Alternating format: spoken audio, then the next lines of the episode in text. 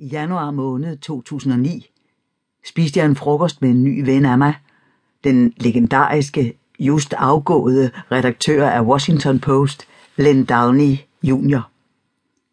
Han var chef for Bob Woodward og Carl Bernstein, de to journalister, der afslørede Watergate-skandalen, og som ledte til, at den daværende præsident Richard Nixon måtte gå af.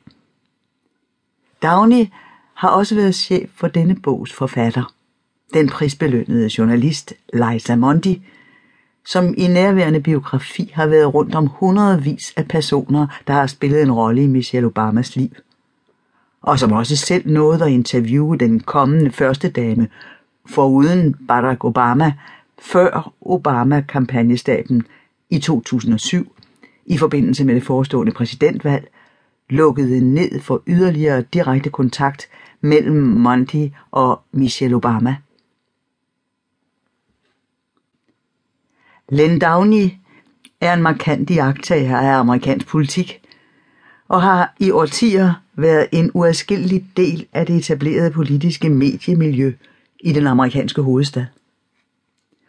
Og som ved så mange andre selskabelige lejligheder i 2008 og starten af 2009, faldt vores samtale på den nyvalgte præsident. Han havde aldrig vundet uden Michelle, lød det fra Downey. Hvorfor? Fordi hun er hans sparringspartner og er klogere og mere velorganiseret end han er, spurgte jeg og tilføjede. Selvom det vel på et tidspunkt så ud som om hun var hans svage punkt, dengang hun sagde, at hans nominering for første gang gjorde hende stolt af sit land. En dødssynd i det fortsat dybt patriotiske Amerika. Nej, ikke kun derfor. Men fordi uden hende ville han ikke have været sort nok, lød svaret. Umiddelbart forstod jeg det ikke. Med dansk logik tænkte jeg, at de sorte amerikanske vælgere vel ikke havde andre steder at gå hen. At de da umuligt kunne stemme på John McCain, den republikanske kandidat, uanset at Barack Obama har en hvid mor og en sort far. Lidt ligesom at de danske socialdemokrater konstant bejler til den borgerlige del af midten, fordi de jo har venstrefløjen bag sig automatisk.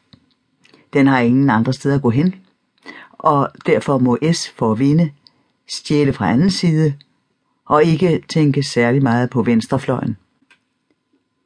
Men sådan er amerikansk politik ikke skruet sammen. Synes man ikke om en kandidat, stemmer man bare ikke, måtte den minde mig om. Sofaen er fortsat en markant del af politik i USA. Registreringen af unge førstegangsvælgere og sorte vælgere er derfor også en af Obama-kampagnens største sejre. Og sidstnævnte mobilisering var aldrig kommet i stand uden Michelle Obama. En kvinde, hvis liv og personlige historie kødeliggør fortællingen om race i det moderne USA. Som efterkommer af South Carolinas slaver – med en bedstefar, som flyttede til Chicago under den store sorte folkevandring. Med en opvækst i et kvarter, Southside i Chicago, der var dybt præget af, at de hvide familier flygtede ud af bydelen, i takt med, at de sorte familier, som Michelle Obamas egen, langsomt opnåede materiel fremgang. Da Michelle Obama og nogle år tidligere hendes bror Craig blev optaget på eliteuniversitetet Princeton, var studenteroptaget fortsat 90% hvidt. Og den pige, der var udset til at dele værelse med den unge Michelle, flyttede selv ud efter få måneder, fordi, har det senere vist sig, at hendes mor havde klaget til universitetet over det upassende selskab, hendes hvide datter var havnet i. Samtidig var de år, Michelle Obama studerede, præget af den første store debat om positiv særbehandling på de videregående uddannelser. Med denne bogs forfatter Liza Mondis ord. Den dag Michelle Robinson blev født, læmelig gjorde hun den ganske særlige kombination af diskrimination og mulighed, vanskeligheder og det at overkomme dem, og blive handlet med og selv at handle. Den dobbelthed, som definerede meget af Amerikas sortes historie – af Amerikas historie. Punktum.